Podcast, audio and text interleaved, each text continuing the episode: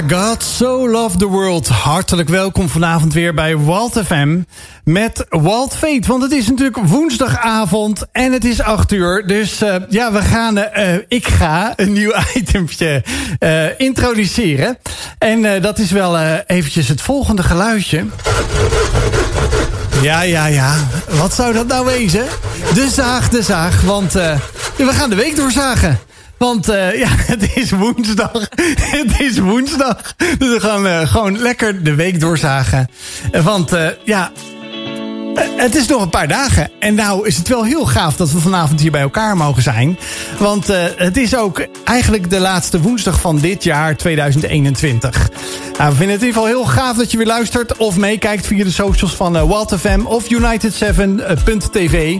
Dus ja, wil je ons gezellig ook op je beeldbuis zien of op je platte tv of op je smartphone, ga gelijk gezellig naar de socials. Dan zie je ons hier ook shinen. Want ja, wij hebben in ieder geval weer heel veel zin in vanavond. En uh, we hebben weer uh, leuke itempjes. We gaan de prijswinnaar van de Bed and Breakfast in het Gouden Hert uh, bekendmaken. En dat gaat ook onze gast doen. En vanavond hebben wij een hele gave gast die hier gelukkig ook, nou, ik zou niet zeggen kind aan huis is, maar hij is hier al regelmatig geweest. Hij is ook regelmatig in een uitzending geweest, onder andere bij Rob van Rossum.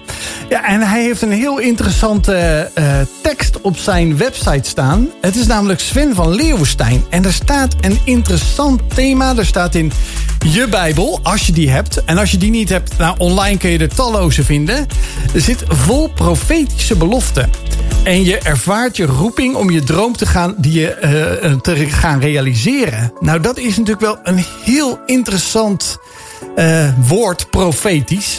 Sven, hartelijk welkom en leuk dat je er bent. Ik hoop dat jij vanavond ons daar meer over gaat vertellen... wat dat dan precies is, profetisch. Want ik weet het een beetje, maar misschien ga je me vanavond er nog meer bij helpen. Ik ga mijn best doen. Nou, gelukkig maar. ja, ja. Welkom eh, Sven. Leuk Dankjewel. dat je er bent. Dankjewel. En Marije natuurlijk altijd shinend en wel. Leuk dat je er bent. Heerlijk. Ik heb er zin in vanavond. Goed zo. Nou, wij uh, hebben er in ieder geval hartstikke veel zin in. Ja, van uh, iedereen die een beetje af en toe op de woensdagavond uh, inklokt hier bij Walter FM... weet dat we altijd eventjes een, een themaatje hebben aan het begin van onze show. Van, nou, waar ben je eigenlijk dankbaar voor geweest ja, afgelopen week? Uh, afgelopen twee weken. Want het was altijd een, een herhaling van onze show. Maar dat is vanaf vandaag niet meer. Want wij gaan elke woensdag live hier bij Walt FM. Via uh, uh, de socials zijn we ook wellicht veel te zien. Ook via United 7 of via andere partners. Ja, gaan we hier elke woensdagavond een heerlijke show hebben. maar wat heb jij voor moois meegemaakt de afgelopen week, Marije? Nou, ik had vandaag geluk. Ik ging namelijk wandelen bij de Kaapse Bossen. En ik ging gisteren op buienraden kijken van hoe zit het met het weer vandaag. En het was precies droog op de tijd dat wij drie uur gingen wandelen. Dus we kwamen weer terug bij de auto en toen begon het met druppelen. Dus ik had met een vriendin met wie ik aan het wandelen was... echt een prachtige wandeling daar in de bossen bij Doorn. Zeker een aanrader. Kijk, uh, bij Doorn zei je? Ja, de Kaapse bossen bij Doorn. Check. Uh, ook een leuk adresje om te gaan wandelen. Sven, heb jij nog iets uh, bijzonders moois meegemaakt? Ja, waar je, ik zou iets heel inspirerends ja. kunnen zeggen. Maar ik ben eigenlijk vooral dankbaar dat, dat de administratie er bijna op zit. Einde van het jaar. Maar die begint toch ook weer, begint toch ook weer over drie dagen? Och jongens, wat een drama. dat is het leed dat ondernemer heet, toch? Of niet? En dan zit je achter de computer bonnetjes te zoeken... van dat kopje koffie wat je in maart vergeten was te declareren. Hmm, dat klinkt niet al te best eigenlijk. dat je dat nu nog moet gaan zoeken. Dat zegt genoeg over mijn kwaliteiten, toch? Misschien niet mijn bestemming. Nou ja, Misschien is dat wel profetisch. Ja, nou we gaan vast ontdekken wat voor meer talenten je dan hebt. Oh, Sven, leuk dat je er bent. ja, en voor mij, ja, ik zat even te denken weer. Je, je bent altijd aan het denken, oh, ik heb zoveel meegemaakt.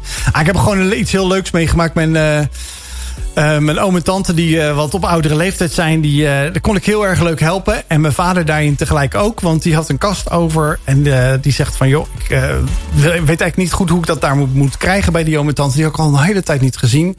Een tweelingzus van mijn moeder. nou, ik zeg, weet je wat, ik pak mijn auto. Het paste precies, die kast paste precies in mijn auto, alsof die ervoor gemaakt werd. En die heb ik daar bij mijn tante gebracht. Heerlijk lunchje gegeten met mijn oudste dochter. Ja, die vond het echt geweldig. Die zijn helemaal te shinen op die foto foto die ik gemaakt voor mijn vader. En met die kast erbij. Heeft het perfecte plek gekregen. Nou, zo kon ik ook weer iemand eh, tot zegen zijn, eh, zou ik zeggen. Hè, die dankbaar was voor, eh, voor, voor wat ik heb kunnen brengen. Dus nou, dat is afgelopen week weer gebeurd. We gaan weer nieuwe dankbaarheidspuntjes verzamelen komende week. Eh, vast wel met het nieuwe jaar wat in, eh, in aankomst is. Maar ja, eh, blijf vooral eventjes luisteren. Want eh, we gaan, eh, zo eh, gaan we de prijswinnaar bekendmaken van de Bed and Breakfast nacht in het Gouden Hert. En ik ga Remy en Naomi eventjes bellen tijdens het, eh, tijdens het volgende nummer. Dus eh, we zijn zo bij je terug. De nummer 1 voor hits. Wild Hit Radio.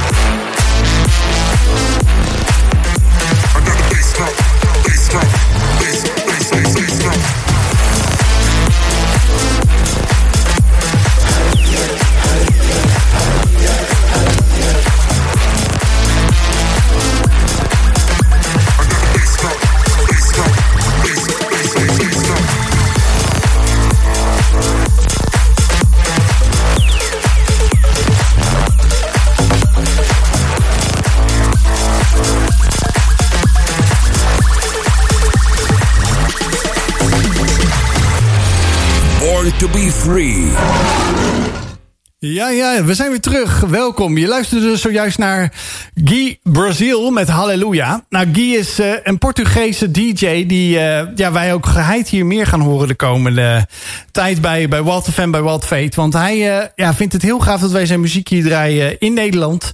En hij heeft echt hele gave nummers gemaakt. Die, die tracks die fantastisch goed bij ons als popstation passen.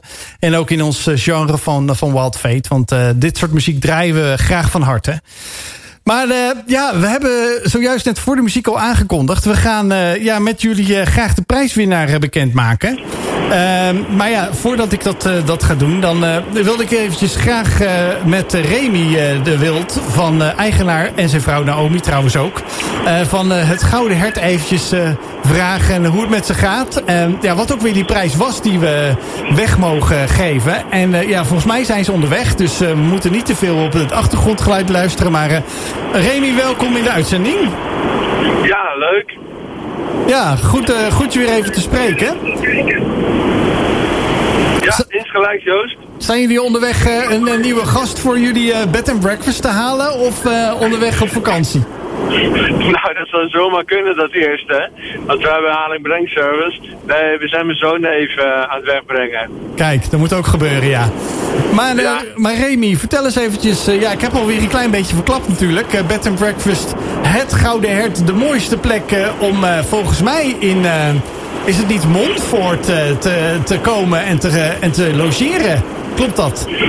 Ja, dat klopt. Op een hele bijzondere plek. Het smalste stukje van Nederland, in Montfort. Vlakbij eh Roermond. Daar hebben wij een hele mooie, luxueuze bed and breakfast. Ja, die volgens mij nog niet zo heel oud is, hè? Klopt dat ook? Nee, we hebben dit jaar zijn we begonnen met verbouwen. En eh, officieel vanaf september zijn we open. Maar de eerste gasten die zijn nog gekomen toen we nog niet eens bedden hadden. En eh, ja, vanaf dat moment is het eigenlijk eh, hartstikke druk geweest. Kijk eens aan. Dus jullie, hebben, jullie zijn heel erg dankbaar voor de vele logies die jullie al hebben mogen ontvangen. Ja, het is vooral leuk om te zien hoe dat ze echt tot rust komen. En vanochtend ook weer dat mensen dan zeggen van ja, we merken echt dat het met liefde gedaan is allemaal. Ja, wij weten natuurlijk eh, wie erachter zit. Eh, dat mensen merken dat het met liefde is gedaan. Maar het is wel mooi om te zien dat mensen dat echt wel eh, in de sfeer proeven. En ja, mensen komen lekker eh, tot zichzelf, tot rust en eh, vinden elkaar ook. Mooi, mooi. En ehm, ik heb ook eh, begrepen dat jij de beste ontbijtjes van het smalste stukje van Limburg maakt. ja, dat klopt. Tenminste, als ik de, kla- als ik de gasten mag geloven, dan, eh, dan klopt dat wel, ja. Oké, kijk eens aan. nou, prachtig eh, dat, eh, dat dat nog steeds zo is, gelukkig. Ja, ik, ik ben ook regelmatig in Limburg te vinden om familie op te zoeken. En het staat echt nu in mijn agenda om, als ik door dat smalste stukje ga... en de, de tijd zit voldoende zit mee, zou ik maar zeggen... om toch eventjes bij het Gouden Hert, de Bed and Breakfast, langs te gaan. Dus dan weet je dat ja, alvast. van harte welkom. Ja, mooi. Nou ja, wij hebben, een, eh, we hebben natuurlijk een prijsvraag in eh, samenwerking met jullie eh, het goudenhert.com mogen, mogen uitzetten voor deze speciale decembermaand. Ehm, we- ja, we- weet je nog wat de prijsvraag überhaupt was of niet? Of ik dat weet. Ja, we- we- weet je wat we überhaupt gevraagd hebben? ja, een, een overnachting toch? Met een eh, heerlijk luxueus Bourgondisch ontbijt. Ja, dat, krijg, dat krijgt de prijswinnaar inderdaad. Maar de vraag was, eh, Remy, eh, de, de, de, Oh, vraag die die, vragen. de vraag die wij gesteld hebben. Weet je dat toevallig ook? Ehm, nou, dan, dan moet ik opzoeken. Oh ja, ja dan, we- dan weet je zeker dat het, dat het, dat het het juiste antwoord is. ja, nee, we hebben natuurlijk in, eh, in samenwerking met jullie een, eh, een, een nacht, overnachting in het Gouden Hert eh, mogen we doen. En de prijsvraag was, voor de luisteraars die nu niet hebben meegedaan, maar die misschien wel hebben meegedaan, was wie zag Jezus het eerste, welke groep mensen zag Jezus het eerste toen hij geboren was? Nou, dat staat, Oh ja, ja. ja, en dat Ja. staat heel netjes in de Bijbel. En ik heb dat eventjes voor de ter verificatie eh, eventjes opgezocht eh, in eh, Lucas 2. Dat staat in het Nieuwe Testament. Dat is een van die 66 boeken uit, uit de Bijbel. Dat heb ik uitgezocht uit de basisbijbel. En daar staat in vers 8... Diezelfde nacht waren er buiten de stad herders in het veld. Ze hielden de wacht bij hun schapen. Plots stond er een engel bij hen van God. De stralende aanwezigheid van, de, van God was om hen heen. Ze schrokken hevig en waren bang. Maar de engel zei tegen hen, jullie hoeven niet bang te zijn... want ik breng jullie goed nieuws. Dat goede nieuws is voor het hele volk. Vandaag is in de stad waar vroeger koning David geboren is... de Messias geboren. Hij is de redder, de Heer. Dit is voor jullie het teken. En jullie zullen een kind vinden dat in doeken is gewikkeld... en in een voederbak ligt. Nou, dat was dus het antwoord. De herders. Nou, Remy, ik zal je verklappen, daar zijn gelukkig ook goede antwoorden uitgekomen. Nou ja, voor de luisteraar, helaas als je een ander antwoord hebt ingevoerd. Nou hebben wij Sven bereid gevonden als eh, notaris te dienen die hier in de studio zit. Als je met United7.tv meekijkt of op de socials, zie je ook daadwerkelijk dat het echt eerlijk gaat. Marije heeft alle winnaars, of degene die het juiste antwoord heeft, eh, opgeschreven, opgeschreven. En eh, als jij het teken geeft, eh, Remy, dat eh, Sven mag eh, gaan starten, dan eh, gaan we dat eh, nu eh, in, in eh, beweging zetten. Ja, Het is goed. Start maar. Oké, ik strek mijn hand uit. Ik eh, ga eh, zo'n eh, bakje in. Een beetje draaien. Vroeger wij, eh, zongen wij altijd de herretjes lagen bij nachten voor Ajax. Maar, ja, ja, ja. dat, eh, ja, deze, ja, ik denk dat deze het gaat worden. Kijk, ja, oké. Komt hij er nu uit. Nou, nou, en nou, dat kijk. is geworden, hè? Nou, er staat De een winnaar van de prijsvraag is geworden... Henk de Koning. Henk de Koning, gefeliciteerd. Hunk de Koning. Hunk de Koning. Hunk de Koning. Hunk de Koning. Nou, wij eh, gaan je via een DM'tje eventjes berichten. dat, Die gaat dat een, eh, jij, lekker eh, ontbijtje Dat krijgen, jij een volgens mij. heerlijk ontbijt, het beste ontbijt van, Van het, Montfort. eh, eh, van Montfort en omgeving. En het smalste stuk van Smalste Limburg. stukje van Nederland. Van, van Nederland. Ja, Daar ga jij twee heerlijk... personen komen. Twee Kijk personen. Nou, kijk. Ja, het is een, het is een tweepersoonsbed. Kijk, nou, helemaal eh, luxe, eh, Remy. Nou, dank, en nogmaals hartstikke bedankt voor, eh, voor jullie beschikkingstelling van deze geweldige gave prijs. Wij gaan nou, dit doorgeven aan de prijswinnaar. Dat, dat hij of zij in ieder geval een, een prijs gewonnen heeft bij jullie. Om dat met jullie af te stemmen. En eh, daarin eh, zullen we even een unieke code naar jullie sturen en naar hun. Zodat zij ook weten dat, eh, dat niet iedereen opeens, alle luisteraars die nu, nu zitten te luisteren, denken... Nou, maar ik was ook die prijswinnaar. Maar dat jullie Ja. weten precies wie, wie dan Ja, winnaar dat is. kan ik me voorstellen. Ja, ja, dat kan ik me voorstellen. Ja, en mocht je nou denken, nou wil ik ook naar dat Gouden Hert. Goudenhert.com, daar kan je een, een nachtje boeken, of twee, of drie, of een midweek, of een week. Je wordt gastvrij ontvangen, koninklijk ontvangen zou ik zeggen bijna. Hartstikke bedankt nogmaals, een goede reis verder Remy. En eh, ja, tot, eh, tot binnenkort allicht weer een keer. Ja, tot ziens. Superleuk. Oké, Doei. doei doei. Hoi. Doei. Hoi. Let's go. I don't know what you're going through, but we stopped by to tell you that what's in front of you is bigger than what's behind you. Your destiny, your promise, your future. You might as well shout before you get it. Because God sent me here to tell you that what He has for you is gonna be big. That it's my season. that it's my season. You ought to declare that over your own life. Say, I believe I believe that it's my time. that it's my time. It's my time. It's my time. And I can feel it. I can feel it. Say breakthroughs in the room. Breakthroughs in the room. It's yours if you want it. Anticipating. Anticipating. God's getting ready to move. God's getting ready to move. Listen, you ought to declare this over your own life. Say it. For I know God, God He's working a miracle miracle just for me. Just for me.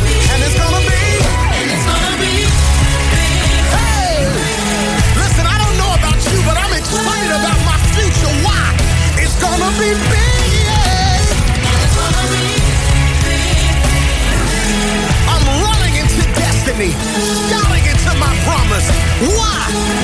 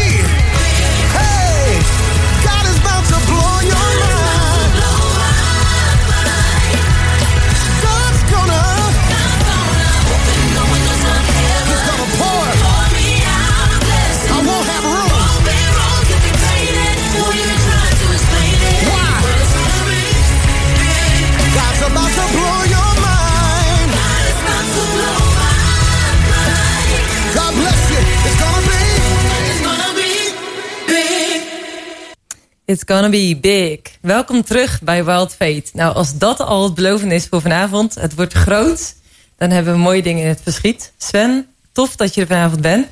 Voor de mensen die je niet kennen, wie is Sven Leeuwenstein? Ja, wie is Sven? Getrouwd en vergeten. Vijf kindjes. Ik woon in het prachtige Elburg, eh, dorpje naast Walibi. Daar kennen de meeste Kijk. mensen wel van. Ja. Een of ander event. En eh kom oorspronkelijk uit de Noordoostpolder, vlakbij Urk. Kijk. En Ja. eh, ben je fan van Walibi? Heb je een abonnement of zo? Eh, wat als het, als je, heb ik wel eens eh, vaker verteld. Als je bij ons in de buurt eh, in groep 8 zit, zeg maar, dan geven de ouders regelmatig hun kinderen een eh, abonnementje. Serieus? Dus mijn dochter eh, komende zomer, als het coronaproof gaat lukken, eh, ja, die gaat in al die achtbanen daar. En dan elke dag naar school? Ja, ze gaan op de fiets, ook zonder ouders. Ja joh. Ja, geen probleem. Zo. Kijk, ik denk dat veel mensen nu denken... wow, ik wil er ook wonen. Massale optrek naar Elburg... om daar eh, te wonen en dicht bij de achtbanen te zijn. Ja, ja, het Het is een vestingstadje, toch? Of niet? ja dat eh, is het andere waar mensen het van kennen. Een dagje Ja. Elburg. eh, Ja, van, ja, eh, ik ben als eh, regelmatig in het land. En dan eh, zeggen mensen, waar kom je vandaan? Elburg. Oh, daar ben ik wel eens geweest. En dan vertellen ze altijd, ik heb een rondje gelopen en een visje gegeten. Kijk, Elburg. Elburg. Elburg. Bijna net zo mooi als Montfort. Ja. Ja, nou ja, eh, dus eh, met z'n allen niet naar Antwerpen, maar eh, naar Elburg. Nee, nee, nee, nee, nee, nee, nee, nee. Lekker thuis blijven. Ja, Ja, dat is verstandig. We, we, we komen regelmatig in het nieuws als Nederlanders, inderdaad. Ja. Ja, Helaas wel, ja. Niet altijd positief, hè? nee. Nee. Maar wat vinden jullie ervan? Is het, vind je het soms een beetje ongemakkelijk? Denk, hoe, hoe Ja, wil je bekend staan? ik snap dat sommige mensen wel graag een stukje vertier zoeken. Ja, En dat dat, eh, als je dat niet hebt, dat het voor sommige mensen best heftig kan zijn. ja. Ja. Herken je dat? Nou, het is natuurlijk geen makkelijke tijd. En mijn zoon eh, wil graag met zijn vriendin eh, een weekendje weg. Nou, normaal gesproken is het al ingewikkeld, want je wil niet te veel geld uitgeven. Het is allemaal nieuw. Hoe regel je dat? En nou moet hij er ook nog over nadenken. Waar kan ik met mijn visie op corona naartoe? Nou ja, zowel nergens. En dat is best lastig. Ja, dat kan echt wat lastige tafereelen teweeg brengen. Ja, ja. En je Hey. vindt hem natuurlijk gewoon lekker, een leuk reisje. Ja, nou ja, ik denk dat voor vele mensen nu ook... eh, die nu in deze vakantie wintersport in het water eh, zijn gevallen. Nou, letterlijk en figuurlijk, want het regent nu wel hier en daar. Ja, En dat het voor sommige mensen best wel lastig kan zijn van... oké, hoe vermaak je jezelf dan? ja, ja. Hey, en je, in het dagelijks leven ben je bezig met leiderschap. Wat, eh, wat houdt je daarin bezig? Nou ja, de, de bekende quote natuurlijk is leiderschap is invloed, niet meer en niet minder. John Maxwell, de goeroe op dat gebied. En ehm, ja, het is machtig om te zien hoe die man eh, met zijn ideeën over beïnvloeding eh, honderdduizenden leiders wereldwijd eh, heeft geholpen om een betere leider te zijn. En ik ga wel aan op invloed, zeg maar. Ik riep eigenlijk al in mijn studietijd van zichtbaarheid, dat zal wel, maar beïnvloeding, die, die zie ik wel. En wat is de definitie van beïnvloeding? Ja, wat is de definitie van eh, beïnvloeding? Het gaat er denk ik uiteindelijk om leiderschap. Is dat je met een groep mensen een bepaald doel wil realiseren. We zitten hier bij een station, een radiostation. Dat heeft een doel, een missie. En daar, ging ik, daar ga ik op aan. De missie, de why van de club. Dus eigenlijk eh, Simon Sinek, die ook de cirkel Ja. van Sinek heeft, zeg maar, de Ja. golden cirkel. Ja. eh, waarin de binnenste kern why is. En, en wat, wat maakt het verschil als mensen weten waarom dat ze dingen doen? Nou ja, allereerst eh, moet je kijken wat wij doen. Hè? Even wat name dropping. Dus eh, Maxwell, Sinek, dat zijn eh, ja, thought leaders op het gebied van, van communicatie, van beïnvloeding van leiderschap. En het heeft een effect gehad. Het effect gehad, want kijk, wij zitten hier op een woensdagavond op de radio te praten over het effect van hun beïnvloeding. Dus dat vind ik al bijzonder.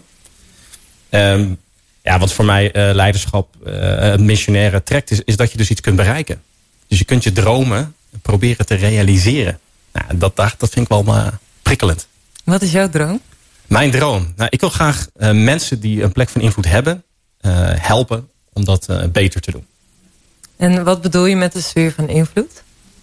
Ja, dat is ook altijd een leuke vraag. Hè? Je sfeer van invloed. Ze, zeggen, ze zeggen dan wel eens, iedereen is een leider. Nou, ik weet niet of dat helemaal klopt, maar het is wel zo dat iedereen invloed heeft.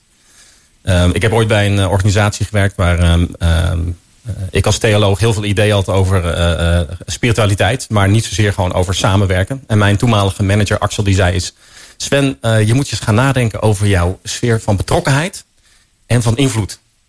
En dat ik zo'n vraagteken op mijn voorhoofd staan van... ja, ik wil wel netjes antwoord geven. Als ik eerlijk ben, heb ik geen flauw idee waar je het over hebt. En toen ben ik erover gaan nadenken. En toen kwam ik erachter van ja, sommige dingen daar ga ik zelf over. Eh, ik, hoe ik eruit zie, eh, hoe ik met mijn financiën omga. Of ik mijn administratie op orde heb. Ja, dat is je eigen leiderschap. Ja, mijn persoonlijke sfeer van invloed, mijn cirkel. Eh, en dat raakt eh, cirkels van anderen. En daar kun je je bij betrokken voelen. Dus ik zit hier eh, vanavond omdat ik dit een mooie club vind. En jullie leuke mensen. En daar wil ik wel wat tijd aan geven. Maar ik ga er niet over. Nee, dus dat is dan een stukje betrokkenheid. Ja. Dus het ene gaat echt over je sfeer van invloed, je eigen pakje aan. Ja. En het andere gaat over een stukje betrokkenheid daarin. Ja. En wat, wat zie je daarin binnen je werk? Je coacht leiders ook. Je helpt om in, juist daarin te excelleren binnen hun sferen van invloed. Wat kom je dan zo wel tegen? Nou, wat me heel erg mij inspireert is wanneer een leider eh, gemotiveerd raakt. We hebben allemaal dingen in het leven te doen die wat minder leuk zijn. En dingen die we heel erg leuk vinden. En eigenlijk het idee dat, eh, dat je een omgeving kunt creëren... waarin jij echt een soort van toestemming hebt om daar helemaal voor te gaan. Ja, dan moet werken leuk. Ja, dat, dat, eh, dat gun ik iedereen. Dat werken leuk is. Maar dat is een beetje eigenaarschap dan ook. Dat je iets doet waarbij je zelf dus zo bij betrokken bent... dat het een beetje eigen voelt. Ja, dat is ook weer zo'n prachtige term. Hè? Eigenaarschap, eh, beïnvloeding. Ja, zeker. Ehm, kijk, het uitgangspunt van coaching is bewustwording en verantwoordelijkheid. Dus je gaat steeds meer dingen over jezelf en de ander ontdekken. En vervolgens jouw invloed daarop. En wat ga je daarmee doen? Dat is de kern van coaching. Iemand daarbij helpen. Dus wanneer iemand ontdekt van... eh, joh, hier wil ik voor gaan. Nou ja, je merkt het wel een beetje aan mijn lichaamstaal. Ik ga helemaal aan, want ik vind het leuk om erover te praten. Maar als we het nu over vuilniswagens gaan hebben... en hoe je die in elkaar moet lassen... dan zul je mij een beetje zien wegzakken. Maar daar ga ik niet op aan. Maar je komt uit uh, daar is een prachtig eh, bedrijf die vuilniswagens in elkaar last. Om maar zo te zeggen. Sorry, met alle respect. En er zijn mensen die vinden het helemaal fantastisch. Ja, dat is why. En is dat, heeft dat ook te maken met het kennen dus van jezelf? Want je zegt, het gaat enerzijds bewust worden. Heeft dat ook te maken met dat je echt weet wie je bent... of weet wat je kunt of weet wat je passie heeft? Wat eigenlijk jouw why is? Ja, daar begint het natuurlijk mee. En als je dat begint te zien, het begint bij jezelf. En het is van binnen naar buiten. Een aantal eh, prachtige coaches, ook uit jouw netwerk, eh, die ik heb mogen leren kennen, hebben me dat ook eh, laten zien. Van, joh, het begint bij jou. Het begint bij waar je op aangaat. Van binnen naar buiten leven. Dus het leven overkomt je niet zo, maar je mag je sfeer van invloed groter maken en positief beïnvloeden. Ik, ik heb even een vraag, hè, want ik, het klinkt een beetje gek, maar coach. Ja, ik ben ook een coach. Nee, maar, maar iedereen noemt zich tegenwoordig coach. Maar, maar wat is nou die essentie van, van coach? Kijk, ik bedoel, je kan zeggen, ja, je bent iemand aan het trainen, iemand aan het, aan, natuurlijk aan het, aan verder brengen. Maar, maar wat, wat is voor jou die essentie van, van coach? Omdat je dat zelf bijvoorbeeld ook heel erg benoemt. Omdat het ook zelfs op je website staat. Maar je, eh, je hebt eetcoach, je hebt tijdscoach, je hebt leiderschapscoach. Je hebt- Radiocoach. je hebt radiocoach. Ja, inderdaad. Dat is een collega van mij. Is ook radio. Ja, snap je? Dus, dus ja, eh, hoe, hoe kan je het anders? Zo, hoe- wat, wat is dan precies die coach? Nou, een ondernemer zei ooit tegen mij, Sven, coaching is geen business. Bam, hele directe Ja. gast. Oh ja. Ik zeg, wat bedoel je daarmee? Hij zegt, nou ja, ik heb een bedrijf dat maakt winst. Dat is een onderneming. Hij zegt, ik coach andere ondernemers om dat ook te doen. En de, de basics van coaching is zo'n rode dubbeldekker uit Londen... die van A naar B gaat. Hij zegt, het enige wat ik doe is een ondernemer helpen om van A naar B te gaan. Door vragen te stellen. Hij zegt, het enige wat ik doe. En dat is, voor, dat is coaching. Nou ja, dat is heel plat gezegd. Hè, zoals ondernemers dat zo mooi plat kunnen zeggen. To the point. Nou, dat is de essentie van coaching. En dat kun je op allerlei vlakken toepassen. Net als psychologie of theologie. Dus vooral dus die vraag stellen. Die, kan dat zijn doordat zo'n ondernemer of zo'n individu... Hè, want het is niet per definitie ondernemers. Want jij, ik weet dat jij ook individuele mensen coacht. Ja. Hè? Maar is het dan juist dat je die vragen uit het niet stelt... of juist voorbereidt of juist... eh, dat er mensen daar niet aan toekomen met hun hoofd en met hun hart? Eh, of Ze daar niet aan denken? Goeie vraag. Nee? Ja. Nee, ik, ik, ehm, je neemt jezelf natuurlijk altijd mee. Als je een persoon of een team eh, beïnvloedt. En daarom ligt leiderschap en coaching ook zo dicht bij elkaar. Want je kunt ook als leider, als beïnvloeder, coachend leiding geven. Door alleen maar vragen te stellen. Dan zet je een andere ontwikkeling in beweging. Ehm, kijk, coaching is een containerbegrip. Leiderschap is een containerbegrip. Eh, wat voor mij coaching is, is dat ik eh, met iemand optrek rondom zijn of haar proces. Dat is voor mij coaching. Wat ik meeneem is mijn eigen spiritualiteit, mijn eigen perspectief, mijn brillen. En dat maakt denk ik ook of je met mij in zee wil of niet. En dat is ook oké. Je moet denk ik iemand vinden waar je een klik mee hebt. Net als met een, een psycholoog of een therapeut of zo. Ja, ik vind dat wel heel grappig, die, eh, zoals je zegt, brillen. Want als ik mezelf bedenk inderdaad, je denkt aan de dichtbijbril, de verwegbril, de nachtbril, de zonnebril, de computerbril, de lasbril. Even heel even zo denkende. Ja. En dat zijn natuurlijk allemaal verschillende situaties... waarin je soms ook niet meer de juiste bril op hebt misschien. Of juist, je wel de goede bril op hebt... maar er niet meer goed doorheen kan kijken. Ja, kijk, wat, als ik jouw coach was, zou ik nu gaan, eh, een beetje gaan prikken op goed en fout. En juist en onjuist. En wat maakt dat je dat perspectief hierop plakt. Oh ja. Dat zou ik dan gaan doen. Maar dan ga ik gelijk een beetje peuteren. Dus dat doe ik niet. Nee, nee, nee. Maar dat zou ik doen. Ja, ja. Nou, wat ik bij heel vaak bij mensen of bij mezelf merk, is dat je door vanuit jouw perspectief naar dingen te kijken, je, je soms niet verder komt. Omdat je in je cirkeltje zit van hoe dat je denkt, waarbij het soms heel erg behulpzaam kan zijn als iemand anders van buiten met een ander perspectief even een blik werpt op jouw situatie of Ja. op jouw leven. En dan vooral dus een aantal vragen stelt, waardoor je dus zelf na gaat denken. Dus wellicht eh, nagaan wat je net zegt. Het is heel erg belangrijk dat je de why weet. Eh, de, ding, de, de waarom, waarom dat je dingen doet in het leven. Dat je echt weet waar je dus op aangaat. Ja, dan is het denk ik super belangrijk dat je af en toe die vragen krijgt van iemand anders. Omdat je wellicht door de, door de waan van elke dag geleefd wordt. En eigenlijk helemaal niet zo bewust bent eh, rondom de vraag van waarom doe ik eigenlijk wat ik doe. Ja, ja absoluut. Kun je iets meer vertellen? Je zei net van heel veel mensen leven van buiten naar binnen. En ik wil mensen uitdagen om van binnen naar buiten te leven. Wat is van buiten naar binnen leven? Hoe werkt dat? Ja, wat is van buiten naar binnen leven? Eigenlijk eh, ja, is dat, eh, noemen zo'n codependent. Hè? Dat je jezelf afhankelijk maakt van een ander zijn sfeer van invloed. En dat heeft vaak te maken met de manier waarop je naar jezelf kijkt. Dus welke bril je gebruikt om jezelf te definiëren. Eh, terwijl als je gaat praten over je waarom, je passie... dan ga je eigenlijk ehm, eh, dromen. En, en dan kom je in contact met datgene waar jij misschien wel uniek in bent. Of de beste in bent. Of een van de betere. En daar ga je energie van krijgen. Dus het is ook een bepaald perspectief op hoe wij als mensen in elkaar zitten.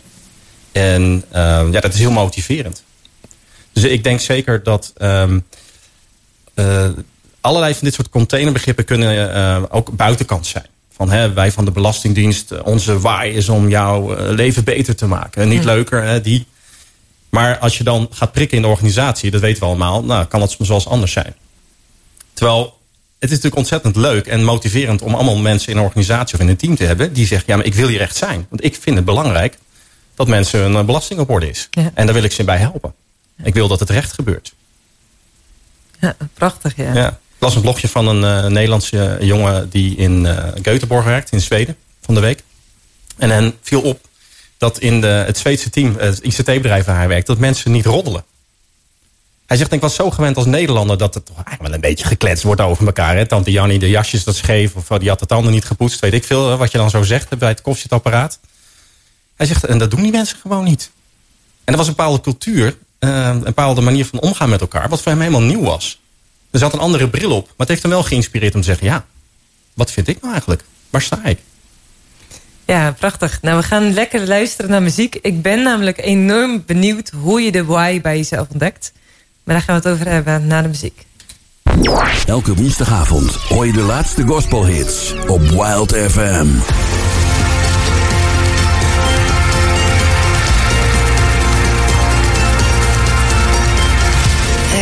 pasar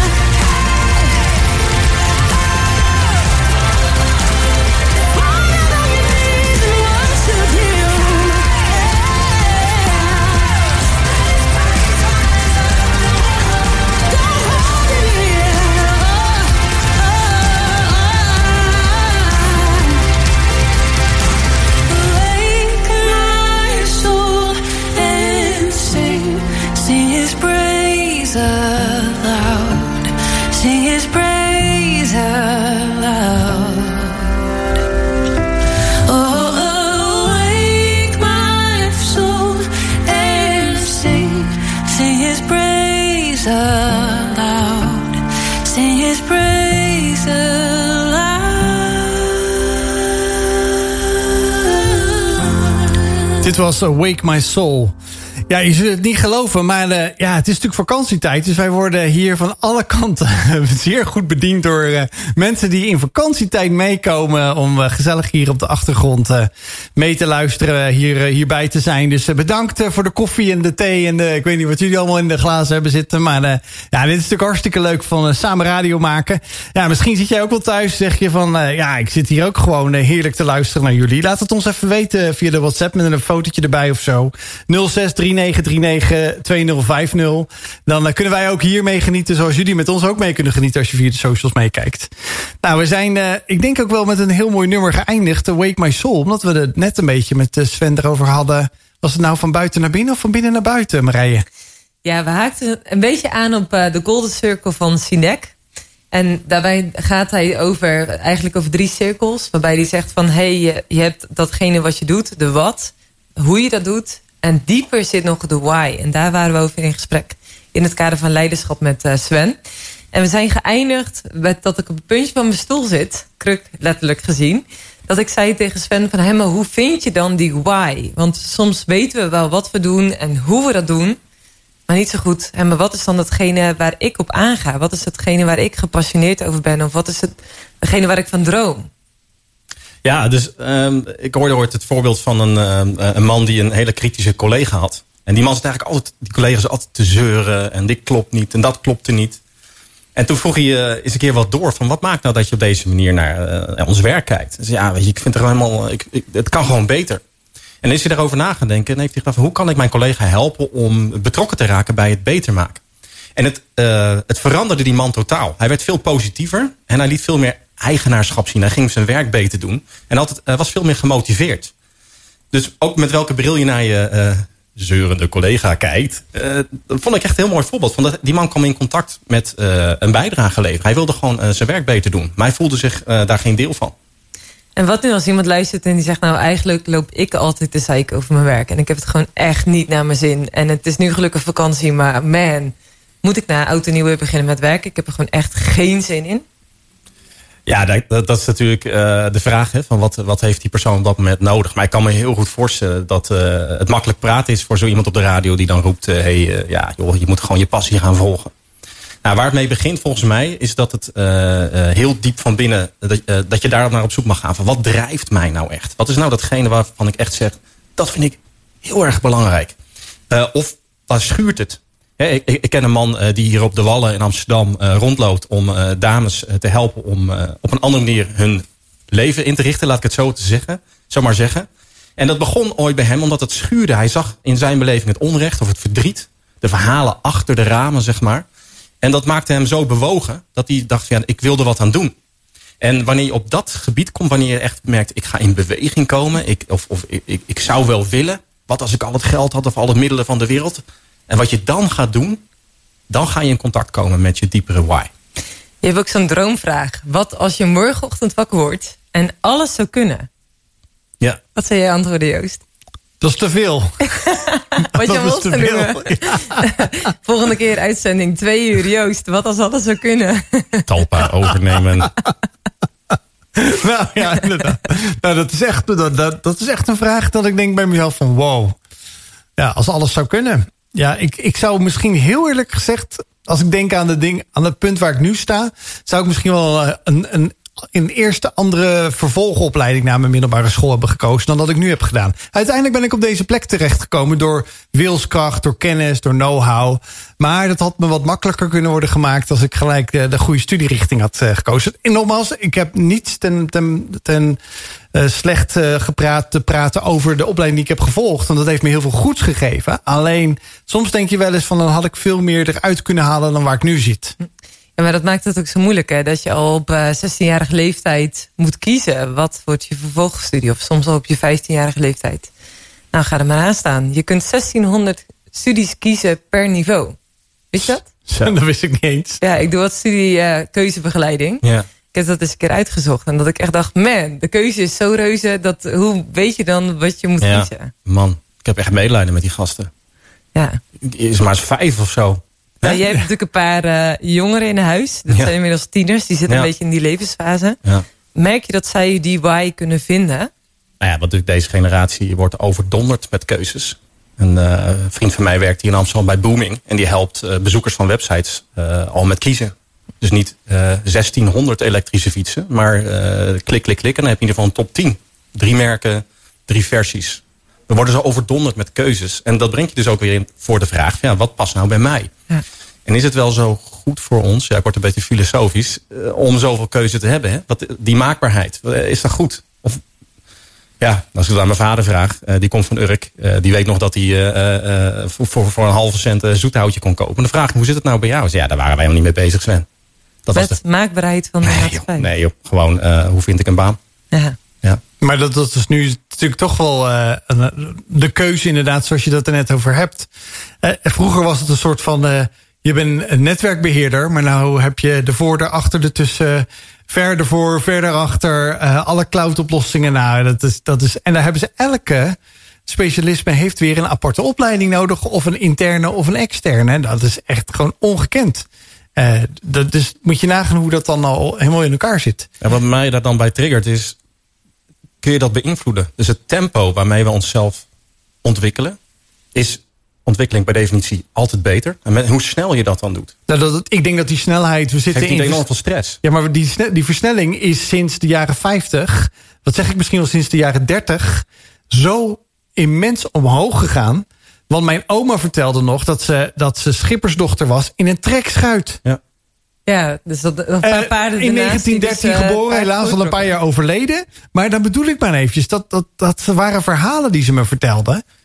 Eh, Oké, oma, sorry, maar dit is trekschuit. Ja. Eh, moet je Ja, dus, dus leiderschap is dan denk ik de vraag... hoe kun je zorgen dat zoveel mogelijk mensen kunnen blijven meedoen? Dus met welke Ja. snelheid, ja, hoe doe je dat? Dat Ik, ik denk de dat leiderschap daar heel, heel belangrijk voor is om iedereen mee te krijgen. En dat is precies wat Marij ook zegt, bijvoorbeeld met, met eh, de tieners die jij in huis hebt, maar die ik ook in huis heb, om de keuze te maken.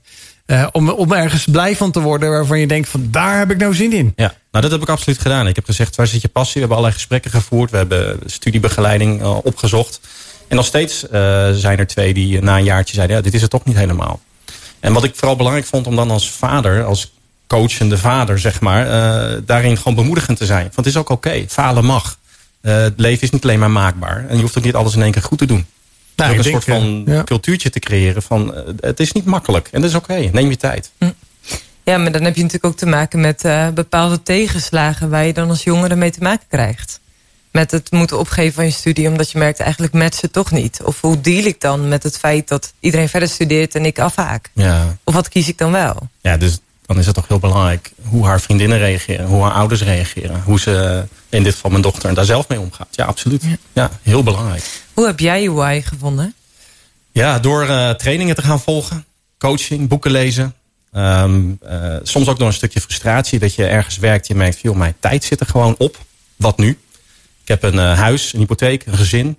En wat bedoel je met je tijd zit erop? Nou ja, dat je merkte dat wat in je sfeer van invloed lag, ik in ieder geval, ehm, eh, daar haalde ik niet zoveel energie meer uit. Ik had ongeveer daar gedaan wat ik kon doen. En ik zat behoorlijk op de automatische piloot.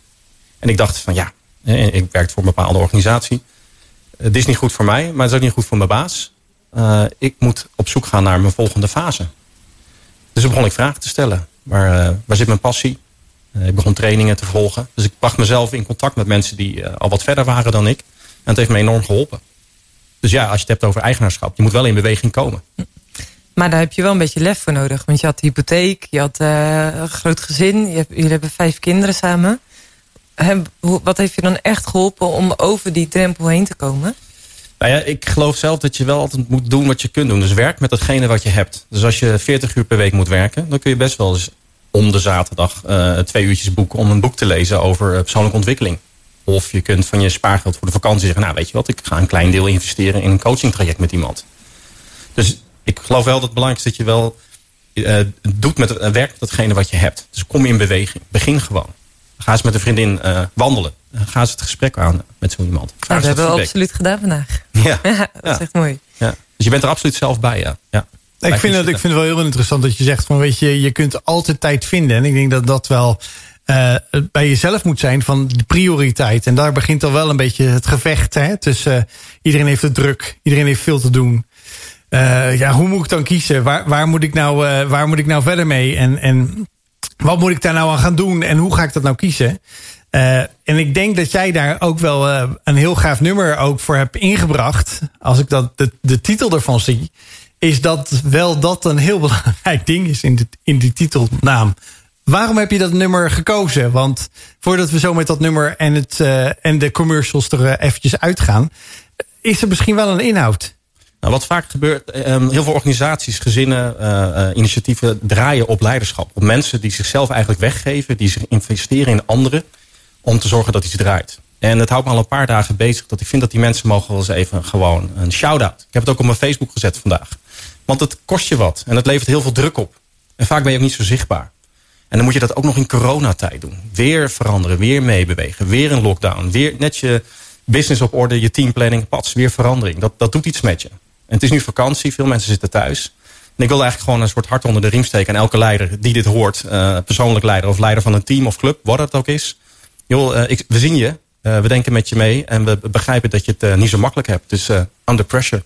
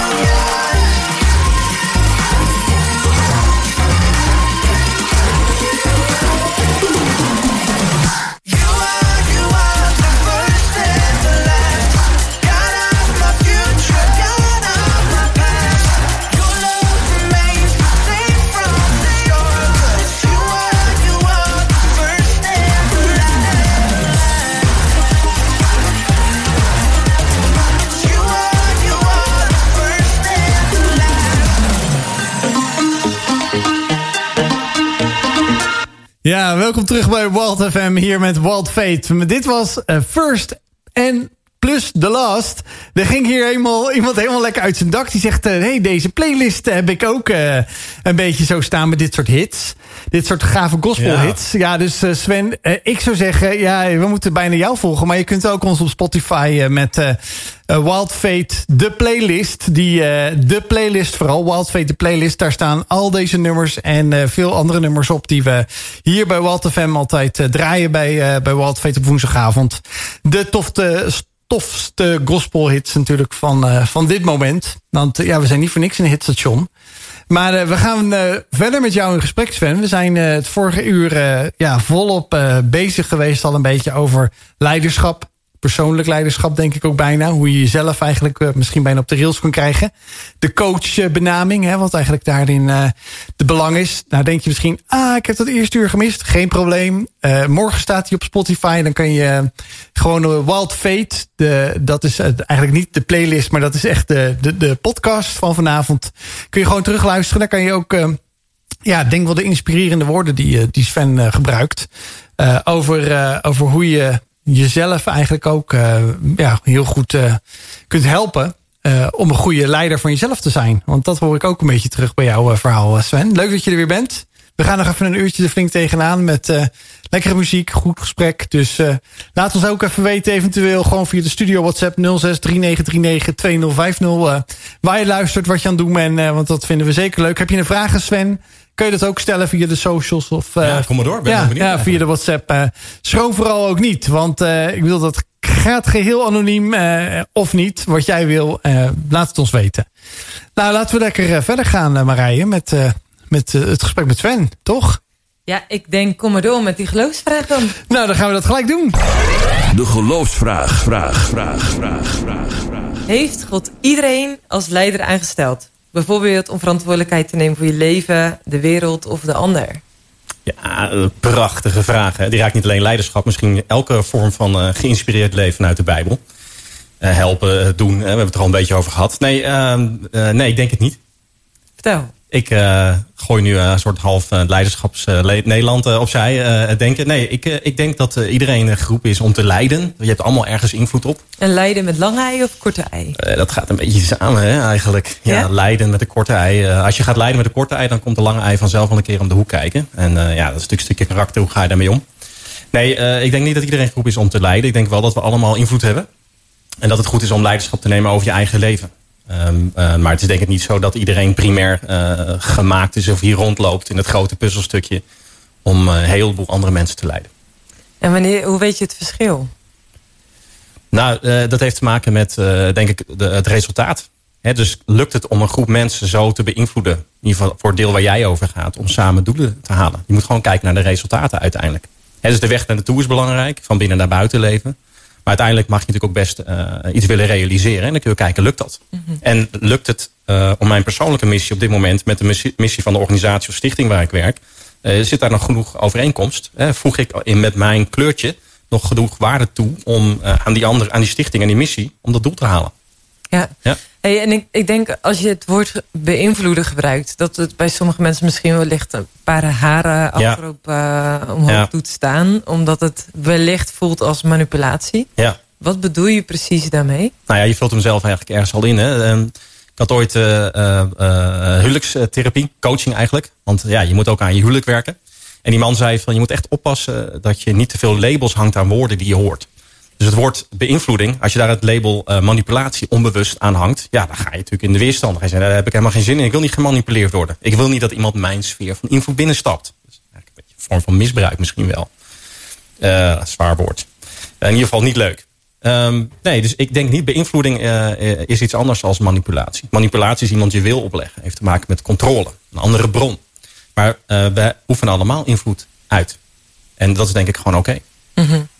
En je, we hadden het net over God en geloof en spiritueel leiderschap. Is dat ook iets wat samenhangt daarin? Ja, ik denk zelfs dat het onlosmakelijk met elkaar verbonden is. Uh, wanneer je in het landschap van leiderschap jezelf gaat ontwikkelen... en gaat lezen, gaat nadenken, gaat reflecteren, hoort er allemaal bij... dan kom je zelf op het vlak van je bron. Wat is nou eigenlijk mijn bron? Daar binnenin, in je hart, wat, wat drijft je nu eigenlijk? Eh, tot nu toe hebben we het over allerlei eh, algemene principes, inzichten eh, in leiderschap en coaching gehad. Eh, een beetje eh, verkend. Eh, maar natuurlijk is het zo dat als je wat dieper gaat, dat de vraag van ja, wat is nou eigenlijk je bron? Van waaruit leef je? Welk, welk beeld gebruik je? Welke inspiratie gebruik je om naartoe te bewegen of vanuit? En is dat eigenlijk altijd zo dat een mens vanuit een bron beweegt? Ehm, ja, ik ben eigenlijk van mening van wel. Ik geloof niet in neutraal.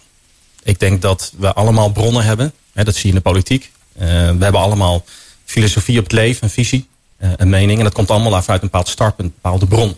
Daarom is het ook belangrijk om dat te verkennen. Ja, absoluut.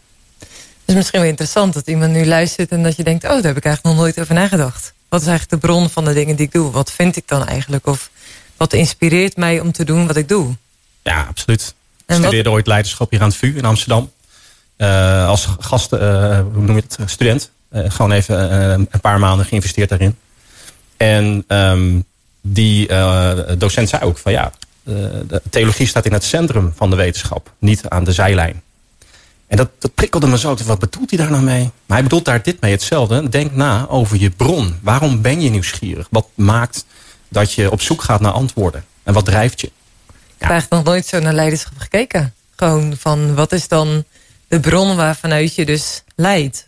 Met korte ei of met lange ei. Ik Ja. vind het ook wel interessant. Ehm, jij zei van ik heb ook theologie gedaan. Nu coach je vooral. Wat is jouw volgorde geweest? Is jij eerst theologie of heb je eerst totaal iets anders gestudeerd en uiteindelijk deze weg bewandeld waar je nu bent? Of, want, want dat kan wel een volgorde bepalen namelijk. Want wat, wat Marij zegt, dat triggert mij ook. Want ja, eigenlijk zou je bijna zeggen... iedereen moet een basis van theologie hebben... voordat je een richting kan kiezen bijna. Maar ja, als je eenmaal een richting hebt gekozen... en je gaat daarna bijvoorbeeld theologische kennis eh, in huis halen... dan kan je heel je, je perspectief, eh, je ideeën over wat je geleerd hebt daarvoor... echt totaal wegvagen, denk ik. Ja, nou ja, absoluut. Kijk, ik denk dat het niet begint bij een studie. Het begint thuis.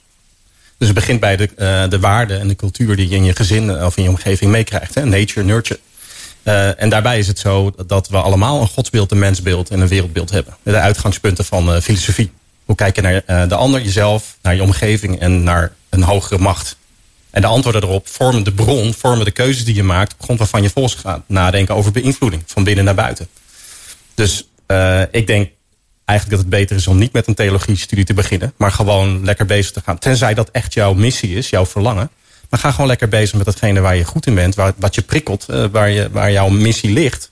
En als je dan onderweg ehm erachter komt dat het handig is om dat te verrijken met theologie. Hoe kijk ik naar de wereld? Hoe kijk ik naar mezelf? Welke bronnen gebruik ik? Dan zou ik het doen. Eh, maar je moet niet naar een theologiestudie gaan om daar God te vinden. Zei hij even heel stellig. Ja. Dat zeg ik als theoloog. Moet je niet doen. Ik, ik, ben, ik heb eigenlijk ook nog wel een. Ik, weet soms wijk me een beetje af van wat de voorbereiding betreft. Hè, maar ik heb nou Sven hier aan, de, aan tafel zitten, Marije. Ja. Maar mij triggert een beetje. Ze zeggen ook wel eens. eh, je bent een geboren leider. Eh, dat, e- even, even dat als eerste nemende. Kijk ik naar. eh, ja, we zijn hier natuurlijk ook met faith bezig, met geloof bezig. Kijk ik naar bijbelse leiders. Ik noem maar even een Mozes. Die zei van, eh, nou, mij moet je niet eh, vragen. Ik kan totaal niet praten. Ik stotter eigenlijk. Eh, een David, een schaapsherder, ver weg van de massa. Die koning werd. die koning werd. Ja, noem, maar, noem maar verschillende leiders. Er zijn zoveel voorbeelden te noemen uit de Bijbel. De- dat boek met die 66 boeken. Maar toch zeggen we... Hoe kan je dat dan zeggen? Want dat zijn eigenlijk... ze zijn misschien wel geboren als leider, maar dat is nooit duidelijk geworden. De andere kant hoor je wel eens mensen om je heen zeggen... ja, je bent echt zo'n geboren leider, je, je, je trekt iedereen mee... maar dat is soms ook wat anders. Dat is misschien niet eens leiden, maar dat is managen. Sven, eh, dat zijn een beetje twee, drie vragen bij elkaar. Ja, ik zou net zeggen. Want eh, je hebt een geboren leider. En je hebt ook die, die bijbelse leiders. Die ja. dan zeggen, maar die eigenlijk totaal zichzelf geen leider noemen. Daar kan je de Bijbel op naslaan als je dat zelf wil. Dat, dat, Ja, ik denk zijn zelf dat van. lijden een kwaliteit is die sommige mensen meer dan anderen hebben. Net zoals met zoveel kwaliteiten. En zulke mensen zou je in die zin geboren leiders kunnen noemen. Dat hun startpunt is op een ander niveau dan de ander. Maar het grootste gedeelte van talent is natuurlijk ook iets wat je moet ontwikkelen. Dus ook met minder leiderschapstalent vraagt het nog steeds eh, kennis en ervaring en karakter om een goede leider te zijn. Dus als iemand zegt, ik vind jou een geboren leider, dan vraag ik me af, wat maakt dat je dat zegt? Is dat iets wat je, wat je bij jezelf wegdrukt? Hè? In je schaduw noemen we dat dan. Is dat iets wat je liever niet laat zien? Of heb je eigenlijk ook een verlangen om die kwaliteit te hebben die je in die ander ziet? En wat ik nu doe, dit benoemen, is denk ik veel belangrijker in teams en in, in relaties dan de een of de ander benoemen als jij bent een geboren leider.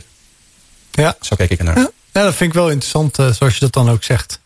En als je, als je dan natuurlijk in de Bijbel kijkt, of gewoon naar het leven van iedereen anders, dan, dan leer je misschien wel juist door de dingen die je meemaakt. Dat dat je vormt. Hè, dingen kunnen je vormen of misvormen. Is dat ook met leiders zo, zeg maar, dat je juist wanneer je dus gaat bewegen en wanneer je leert en af en toe op je neus gaat, dat je dan juist heel veel wijsheid kan vergaren? Kijk, je kunt ehm, een opleiding, eh, hoorde ik iemand zeggen, is niet het eindpunt, maar een startpunt. Je diploma is een startpunt. Ja, dat raakt, dat kwam zo bij mij binnen en denk, ja, dat is waar. Een opleiding is niks anders dan de mate van abstractie die je aan kan. En daarna gaat het leven pas, zeg maar, ja, echt beginnen. En dan moet je het doen. En er komen nog zoveel lessen, ervaringen, kansen om jezelf te ontwikkelen. Dus het is goed om kennis te hebben. Het is goed om vaardigheden op te doen. Maar karakterontwikkeling, ja, dat moet je in het echte leven leren. Uh, afgewezen worden. Geen verbinding ervaren. Een keer ontslagen worden. Ja, ik gun het niemand, maar het is niet per se alleen maar slecht. Je kunt er ook van leren. Um, Wanneer ben jij het meest gevormd in je karakter? Nou, door onder andere leiders te werken en te reflecteren op hoe ik met hun stijlen omging. Uh, niemand is perfect. Dus als ik jouw leidinggevende zou zijn, of Joost de mijne of zo, of jij de mijne, dan gaan we elkaar onherroepelijk tegenkomen. Dan heb je de honeymoon fase, dat is zo leuk bij Wild. En we gaan zo leuk met elkaar om. Maar als het echt gaat om uh, lastige situaties, dan kom je jezelf en die ander tegen. En dan gaat het er dus om, hoe ga ik hier mee om? Dus dat is een kans. En die weerstand, die spanning, dat, is, dat zeg ik altijd, het is een klem of een kans. Het kan je vastzetten en je gaat daar op een bepaalde manier op reageren. Of je kunt zeggen, hé, hey, ik ga dit gebruiken, ik ga dit inzetten om mezelf en die ander positief te beïnvloeden. En zo ontwikkel je karakter. Maar dat betekent dus eigenlijk dat je heel bewust omgaat met situaties. Dat je er echt bewust op reflecteert. Dat je er bewust naar durft te kijken. Of jezelf in de spiegel durft te kijken. Ja. Uh, Ja. Dat vergt wel een stuk... Uh, ja, de confrontatie met jezelf aan te durven uh, gaan. Ja, ik denk dat dat ook de kracht is van team. En de kracht uh, van uh, tempo.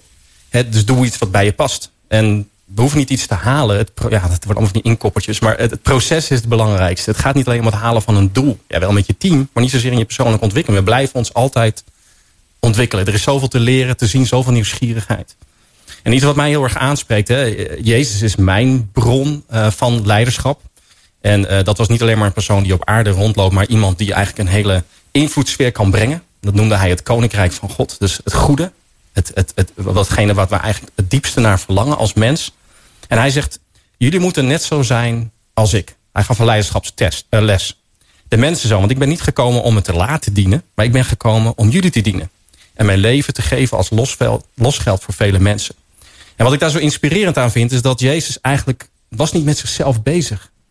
En voor mij is dat ultieme leiderschap. Hoe kan ik jou zegenen? Hoe kan ik mijn sfeer van invloed inzetten... zodat het beter gaat met jou?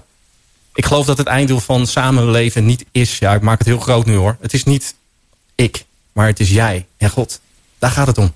Maar dat is wel tegengesteld aan wat onze cultuurgeest vandaag de dag is. Want daar gaat het heel vaak over wat zit erin voor mij. In plaats van hoe kan ik dat zorgen dat het het beste gaat met jou. Nou ja, waarom ik enthousiast ben over wetenschap... is dat het vaak uh, de inzichten verwerft die je in de Bijbel al terug kan vinden. Vaak uh, onderstreept het dat. Als je kijkt naar Collins, Good to Great... het leiderschapsboek over uh, een nederig leiderschap... eigenlijk hoe Jezus het deed...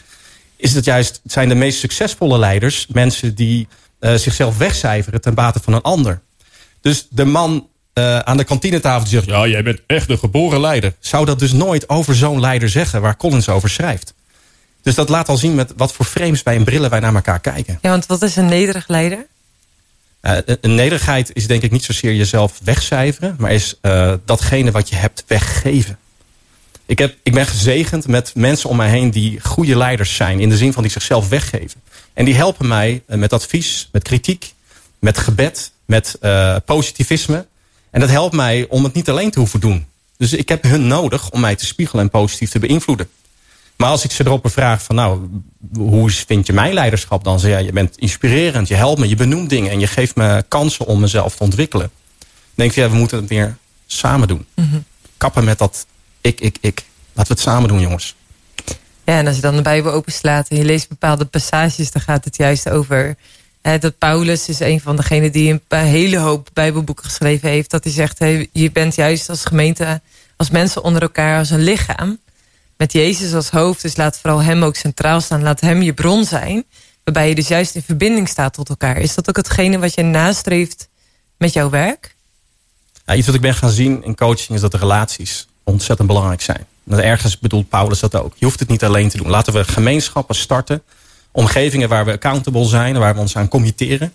Om samen ergens naartoe te gaan. Je hoeft niet overal altijd met iedereen mee te doen. Maar kies iets en ga daarvoor. Paulus zei dat eigenlijk al. En ehm, dan kun je eens afvragen. Van wat is nou mijn grootste eh, obstakel om mee te doen met een groep. Om een keuze te maken. Tegenwoordig hechten we ons niet meer zo. We doen met van alles en nog wat mee. Maar het vraagt kwetsbaarheid om te zeggen... hé hey Marije, ik wil met jou langere termijn optrekken. Of Joost, hè, wij gaan dit samen doen. En want dan ga je jezelf tegenkomen in die ander. En dat, en dat is spannend. Dat is eng. Meedoen Is is, dat eng. Is dat ook de reden waarom dat commitment vandaag de dag zo moeilijk is? Dus ik spreek zoveel organisaties waar ze zeggen... iemand wil wel een project meedraaien... maar niet langdurig commitment geven. Eh, als ik daarover nadenk, dan heb ik medelijden met de manager van die mensen. En ik snap best dat als je jong bent, dat je een paar keer van bedrijf wil hoppen. Je wil eens bij Philips gekeken hebben, bij Unilever... en misschien nog bij het eh, advertentiebureautje om de hoek. Prima, dat snap ik best. Maar op een gegeven moment denk ik dat het gezond is dat je bewust blijft van... oké, als ik hier iets wil bouwen, dan moet ik ook een investering doen. Iets gaan geven aan dit team, eh, aan, aan deze omgeving. Ehm, ja, het is niet een makkelijke wereld om dat in te doen. Dus het is makkelijker om te, te shiften, om weer hierheen daar te gaan, daar aan te committeren. Ja, dat is niet zo makkelijk. Dat is makkelijker. Dus dat gaat je wat kosten. En wat bedoel je met die kwetsbaarheid? Dat dat gaat kosten? Hoe wordt dat openbaar? Hoe werkt dat? Nou, ik denk dat niemand van falen houdt. Vinden we allemaal spannend. Dus om te moeten tegen, toegeven aan je collega van ik ben niet perfect. eh, ik weet niet alles. Ik ben ook aan het zoeken. Ehm, ja, dat, dat, is, dat is eng. Maar het grappige is, eh, weten we uit de psychologie... als je dat juist gaat doen, dan ga je elkaar eh, gelijkwaardig zien. Dan zie je, hé, die ander heeft dat ook niet. En het grappige, het geheimpje is dat er dan dus een bepaald leven gaat stromen. Een bepaalde kwetsbaarheid komt, open harten, zeg maar. Waardoor je in één keer zegt van, joh, maar ik ben van Wild FM. Ik ben van de club. Ik, dit is mijn missie. Hier wil ik zijn. Laten we samen optrekken. En ja, ik ben enthousiast over leiders die dat weten te creëren. Een cultuur van kwetsbaarheid. En tegelijkertijd accountability en commitment. Ja, dan heb je een leuke mix, een leuke cocktail. Nou, dan eh, gaan we daar zo even over verder praten. Over die eh, cocktail van, eh, van van alles en nog wat. En ja, ik wil nog steeds eventjes... eh, die nieuwsgierigheid triggert mij nog steeds over mijn openingszin, over profetisch. Dus dat gaan we straks ook nog eventjes wel aanhalen. Want ik wil allicht ook daar de luisteraar ook eventjes eh, helderheid over gaan, eh, gaan laten geven. We gaan even luisteren naar, naar Breathe Again van het Ademproject. Wij hebben heel regelmatig verschillende mensen hier aan tafel gehad. eh, in de studio, maar ook aan de telefoon. Ja, het Ademproject, dat is een geweldig gaaf project... wat, wat door Rack Music wordt, wordt ondersteund. Dat is een eh, stichting die jonge muzikanten graag de ruimte wil geven... om nieuwe muziek te maken, nieuwe soort muziek. Nou, en ik eh, zat in de voorbereiding van, eh, van vanavond... muziek te zoeken voor vanavond. Het past, eh, het past gewoon gaaf hierin. En ik eh, luisterde dit nummer. En ik eh, gaf een duim aan Filimon Peretti... een van de initiatiefnemers van het Ademproject. Hij zegt, ik vind het zo gaaf dat, dat jullie dit op deze manier ook ondersteunen. Onze, onze missie om nieuwe muziek te laten horen. Ik ga jullie niet langer laten wachten. We gaan luisteren naar Breathe Again. De nieuwste van de nieuwste gospelhit.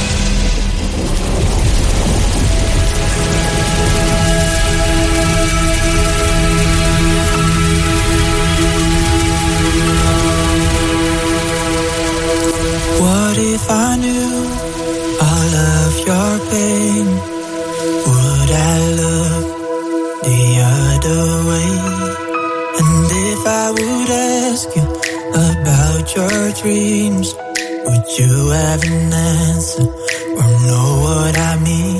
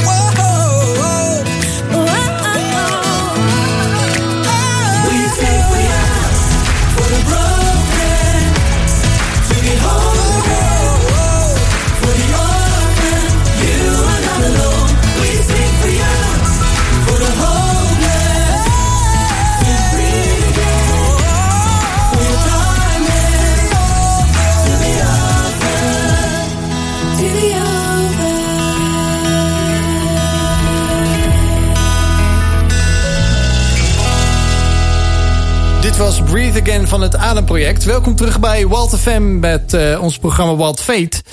We zijn in gesprek met eh, Sven Leeuwenstein. We hebben het over leiderschap. En eh, ja, leiderschap in het grote verband.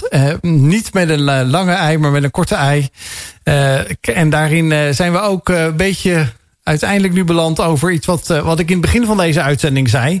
Eh, over profetische beloften, wat hij ook op zijn website heeft staan. Dat heeft natuurlijk alles in het kader van zijn missie, van zijn eh, ultieme leider, zoals hij net voor de muziek zei, Jezus te maken. Die, die echt voor hem het voorbeeld is. En ik denk ook voor velen van ons het, het uiteindelijke voorbeeld van de, perfecte leider die, die op aarde geleefd heeft. En uiteindelijk die ook in de hemel heerst.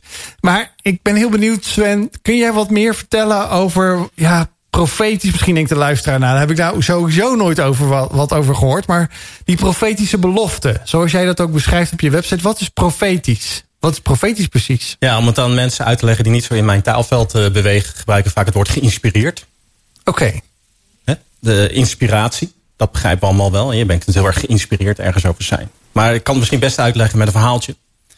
Eh, eind jaren negentig was ik heel erg op zoek naar mijn why. En op een dag was ik op een schip, ergens in uh, Delfzijl. Een eh, schip waar heel veel werd gesproken over Jezus. En er was een spreker op dat schip die mij uitdaagde van... maak een keuze, ga je je leven met of zonder Jezus leiden? En eh, ik dacht, nou, dat is mooi. Het kwam heel erg bij me binnen. Maar ik ga echt nu niet reageren. Allemaal mensen om me heen in een zaaltje die daar omheen, op een stoel zaten. Gingen allemaal staan. Ja, ik wil ook eh, Jezus volgen. Eh, en dat ging ik echt niet doen. Kon, nou, ik ga niet zo'n religieus saaie geloven volgen. Het is niks voor mij. Maar het liet me niet los. In de bus terug, de zondag erop. Ik denk, nou, ik ga dus mee naar zo'n kerk. Dat heette een baptistengemeente. En ik dacht ook van, is dat een bierbrouwer of zo? Wat doen ze hier? Maar dat bleek een bepaalde expressie van het christelijk geloof te zijn. Uh, nou, lang verhaal kort. Die maandagochtend uh, pakte ik uh, Jezus boek erbij, de Bijbel. En daar stond een bepaalde tekst in die eigenlijk hierop neerkwam van... Sven, je leven gaat komen. Je kunt niet alles beïnvloeden. Maar ga je het samen met mij doen of zonder mij? En dat was heel scherp. En dat was net, ik zeg als tegen mensen, er zit een man in dat boek. En die man is Jezus. En die kan echt tot je spreken. En dat boek is levend. Het is niet zomaar een verzameling geschriften. Er zit echt een man in het boek. En ik weet nog heel goed, op dat, dat heb ik niet elke dag... maar op dat moment sprak het echt tot mij van ja... mag Jezus mijn leven leiden? Mag, hij wil mij leiden. Ga je het samen met mij doen, Sven, of alleen? En hij zag me natuurlijk worstelen. En toen begon ik hem beter te leren kennen. Zijn woorden te lezen.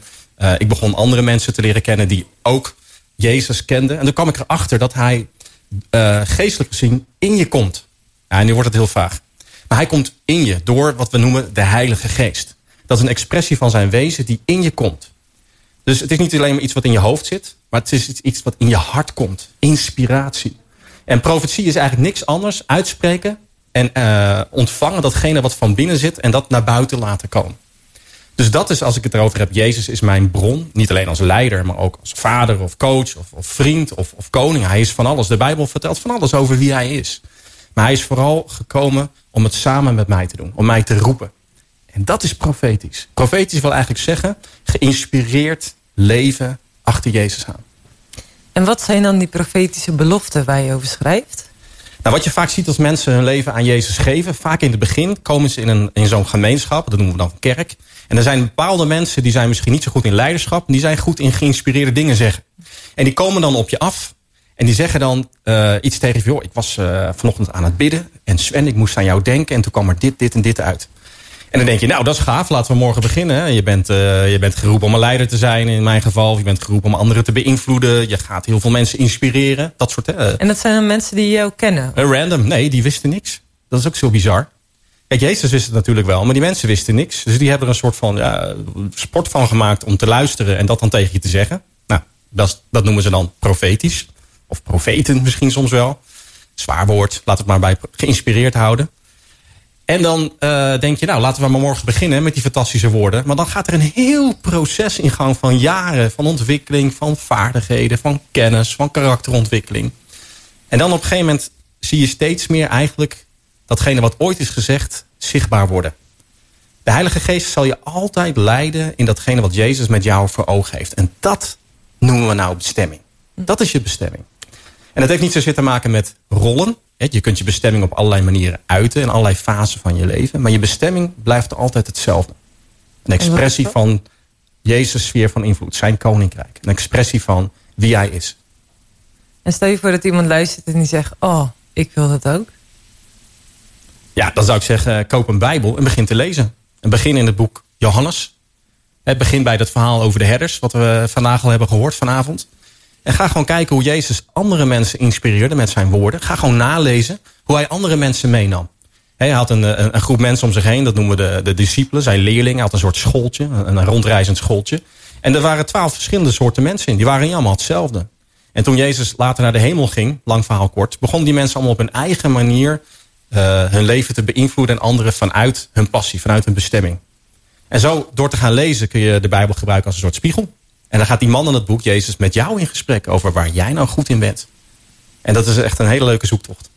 Wat is jouw favoriete passage uit, uh, uit het boek van Jezus? Um, als je Jezus gaat volgen, is het goed om dat ook aan andere mensen te laten zien. Je maakt een soort statement, hè, je missiestatement. Nou, in de kerk noemen we dat een doop. En dan ga je onder water om zeg maar symbolisch te laten zien... ik uh, stop met voor mezelf leven, ga je dood onder water... en ik sta op, dat is een ritueeltje, met Jezus. En dan zijn er wel eens geïnspireerde mensen die dan uh, naar je toe komen met zo'n uh, tekst. En dat noem je dan een dooptekst in uh, mijn de traditie waar ik vandaan kom. En de dooptekst die over mij gaat is waarin Jezus zegt... ga andere mensen vertellen over mij en mijn boodschap. Maar schud ook het stof van je voeten af als ze niet openstaan voor wat je te zeggen hebt. Nou, als je mij een beetje kent, dan sluit die tekst heel goed bij mij aan. Want als ze het in Amstelveen niet willen horen, dan ga ik wel naar Leiden. En als ze het in Elburg niet willen horen, dan ga ik wel naar Emmeloord. Maakt mij niet uit. Ik spreek op allerlei plaatsen, zelfs internationaal. Ik heb een passie om op allerlei plaatsen mensen te inspireren. Vooral leiders, om ze wakker te maken van... joh, er is een koning, een beïnvloeder, een leider... die jou uitnodigt om het samen met hem te doen. Wil je dat? Nou, als je niet wil, prima. Ik zegen je. We gaan nog steeds samen Nederlander zijn. We gaan nog steeds samen dit land mooier maken. Maar ik ga achter hem aan. Ik maak hem de eerste. Nou, dat is een stukje van mijn bestemming. En je deelde net over hè, dat moment op dat bootje. Dat je hoorde over Jezus. Ja, boot was een flink boot. Oh, dat je Mercy ship. Oh, ja. Mega schip. Dus dat je echt dacht van, hé, hey, ik wil hem gaan volgen. En dat was je proces toen. Wat heeft het je gebracht? Of wat is er in jou gebeurd door Jezus te gaan volgen? Nou, ik heb het gevoel dat ik in mijn waarom leef. Dat dat mag. Um, ik had echt geen flauw idee waar ik voor leefde. Wat mijn missie was. Waarom ik hier rondliep. Dus zingeving, hè, bekend woord. Uh, dat gaf het mij absoluut. Maar er is ook een levend persoon in mijn sfeer van invloed gekomen. Iemand die je kunt kennen. Iemand die mij eigenlijk beter kent dan dat ik mezelf begrijp. En hij is liefde. Hij, Jezus is zo anders dan ik dacht. Ik wilde op die avond op die boot niet gaan staan om ook Jezus te aanvaarden. Omdat ik dacht, ja, ik word zo'n religieus figuur met zwarte kleren en ingewikkelde taal. Nou, nog steeds een beetje last van. Maar in ieder geval, hè, ik, het vond helemaal niet aantrekkelijk. Mijn bril van Jezus klopte niet. En ik ben gaan zien dat hij echt een ontzettend toffe, inspirerende leider is. Iemand die heel aantrekkelijk is, juist. En heel leuk om mee om te gaan. Dus hij leeft. Er zit een man in dat boek. En dan mag heel uh, Amsterdam en, en de Randstad weten, jongens. Ga alsjeblieft het boek lezen. De koning heeft hem ook. Hè? Nieuwe Bijbelvertaling 21, zag ik op uh, interweb, LinkedIn ergens. Nou, als Willem-Alexander eh, zich laat inspireren, ja, waar, hè? onze eigen koning. Ga dan over koning Jezus lezen. En nou ik dan denk ik gelijk aan eh eventjes weer eh, de andere kant. Nou zit de luisteraar, die zit niet, die ligt op zijn bank, die ligt op zijn bed. Denk ja, ja Sven, leuke praatjes, leuke praatjes. Je hebt het allemaal voor elkaar. Je hebt het allemaal zomaar gedacht. Ik, ik zie het niet zitten. Ik weet het niet eens. Ik, zo'n bijbel lezen, misschien kan ik niet eens lezen. Heel eerlijk gezegd, want ook dat is ook om te benoemen. Even eh, straight to the point. Ook in de Randstad, net zoals waar dan ook, waar luisteraars zitten. Ja, eh, hoe dan? Hoe dan? Hoe dan? Nou, twee dingen. Jezus volgen is het moeilijkste wat ik ooit gedaan heb. Dus het is absoluut niet makkelijk. Het ontvangen in je leven, dat is gratis. Maar hem volgen kost me echt alles. Dus dat is één. Dus even de juiste verwachting van ja zeggen tegen Jezus. Dat gaat je alles kosten. Eh, je krijgt met verdriet te maken, met moeilijke dingen. Je moet keuzes maken. Je moet vaak de eerste zijn, nederig, zoals hij. Allemaal dat soort dingen. Maar daarnaast is het zo dat hij eigenlijk zegt... weet je, als je mij volgt, dan hoef je het niet in eigen kracht te doen. Dan hoef je het niet meer zelf te doen. Maar dan ga ik je inspireren door mijn heilige geest. Dan kom ik in je wonen en ik ga je de kracht geven... en de vrijheid om de juiste keuzes te maken. Weet je, toen ik Jezus niet kende, zat ik vast aan allerlei rotzooi in mijn leven. Van binnen en van buiten. En de helft wist ik niet eens. En ik wist niet eens dat ik er aan vast zat. Ik zat vast aan geestelijk dood zijn. Ik zat vast aan allerlei zware onderwerpen. En later, toen ik Jezus begon te volgen... en eigenlijk hij in mijn leven kwam door zijn geest... kreeg ik de kracht om daarvan vrij te komen. Angsten, onzekerheden. En ik werd geïnspireerd. Dus ik hoef het niet in eigen kracht te doen. Maar hij geeft het eigenlijk aan je. En daarmee kan ik dus ook niet zeggen... eh, zie mij een geweldige christen zijn. Dat is onzin, want ik doe het niet zelf. Ik ben alleen maar een soort uh, nou ja, reclamezeiltje. Ja, en dan heb je nu uitgelegd, het kost je alles. Eh, je krijgt er veel voor terug. Maar waar is, de, waar is die startknop? Waar, waar, hoe, hoe moet ik dan beginnen? Nou, we hebben het eigenlijk de hele avond al wel over van binnen naar buiten. Het enige wat je hoeft te doen, jij gaat over jou. You manage you, zeggen we dan.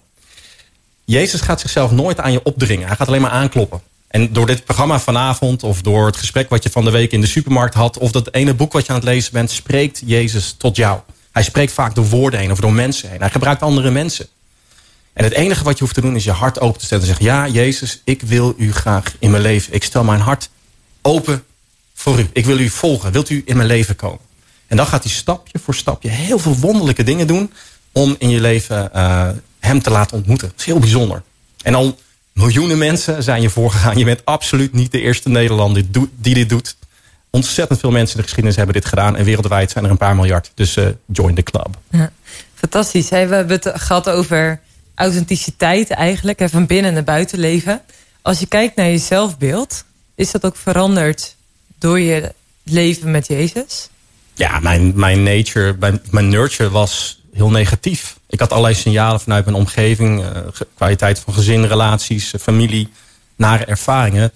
De gedachte opgevat van ja, jij bent een soort zwart schaapsven. Met jou gaat het nooit goed komen. En sommige mensen zeiden dat over mij. Nou, wat we ondertussen uit de wetenschap weten. Dat wat je denkt, zegt de Bijbel ook, zo leef je. Dus wat je gelooft over jezelf, je zelfbeeld, beïnvloedt je levensstijl. Dus ik ging ook naar gedragen. En eigenlijk doordat ik de waarheid begon te zien, de Bijbel begon te lezen. Ik heb niet de waarheid, maar ik heb een relatie met de waarheid. Dat is Jezus liet hij mij zien van... jongen Sven, dat is helemaal niet waar. Je bent helemaal geen zwart schaap. Ik heb je uitgekozen. Ik heb zelfs mijn leven als losgeld gegeven voor jou. Ik heb mijn leven voor je gegeven. Je bent heel belangrijk. Ik wil graag dat je mij leert, kennen. En kon je dat pakken dan? Ja, dat is ik kan me voorstellen als, als je dat echt denkt van... Hè, met jou wordt het niks. Nou, dat zijn nogal woorden, hè? Ja. Hoe je daar dan uiteindelijk mee ja, kunt dealen. Hoe je daar als het ware vrij van kunt worden. Of dat je daarmee af kunt rekenen met die gedachte... met mij wordt het nooit meer wat. Nou ja, als Jezus zegt dat hij je leider is, dan gaat hij dus niet weg. Dus hij committeert zich eraan als jij je daarvoor openstelt... om jouw denken te vernieuwen. Dus hij gaat je daarvoor de kracht geven. En je kunt het 10, 20, 30, 40 keer uh, missen. En dan nog steeds biedt hij gewoon een kans aan om het te pakken. Hij is zo goed. Ja, heel bijzonder. Prachtig. Ik had net nog even een uh, pling-pling in mijn hoofd. Joost, als mensen nou niet van lezen houden... volgens mij kunnen ze dan iets met de TWR-app. Klopt dat? Ja, zeker. Je kunt uh, de twr.nl uh, kun je een, uh, een app downloaden. En dan kun je podcast luisteren. Dan kan je inclusief een, een podcast luisteren over het Nieuwe Testament. Dat is waar ook Sven over sprak, over Johannes. Daar kun je zelfs in die app kun je Johannes intypen.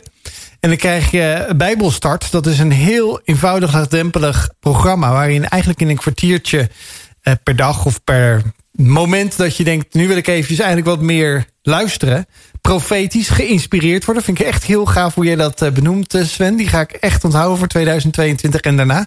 Dat vind ik een hele mooie ja, bewoording eh, voor profetisch. Maar daarin wordt eigenlijk Gods woorden worden daar gesproken. Vanuit die Bijbel. Dus die worden voorgelezen voor je. Dus dan hoef je het niet zelf te lezen. En het wordt ook uitgelegd. Dus daardoor weet je precies wat er gebeurt. En eh, ja, dat is denk ik een hele mooie mogelijkheid om, eh, om ook gewoon als je niet wil lezen, niet kan lezen, maar ook als je gewoon van podcast houdt, te luisteren, kun je naar twr.nl podcast, schuinstreep podcast, en dan kan je een app downloaden of je kunt op de website daar lezen. Nee, niet lezen, gewoon luisteren. Dat is het mooiste. Ja, ja en ik vind eigenlijk het echt zo mooi is dan ook vaak hoe ja, wij zeggen hier... eh, eh, God ook dingen in, in elkaar weeft. En dan denk ik bij mezelf van... ik zie echt een gave titel staan van een, van een track die nu klaar staat. You Keep Hope Alive. Nou, als er ergens iets over is gesproken... over los van leiderschap... is dat eh, ja, God geeft hoop. Jezus geeft hoop. En laten we daar naar luisteren. Dan gaan we zo meteen eh, gewoon verder in gesprek met, met Sven over, over leiderschap. En van binnen naar buiten. Van buiten naar binnen. En hoe je er zelf mee aan de slag kan. Hoopvolle radio in de Randstad. Steun ons werk. Kijk voor meer informatie op wildfoundation.nl.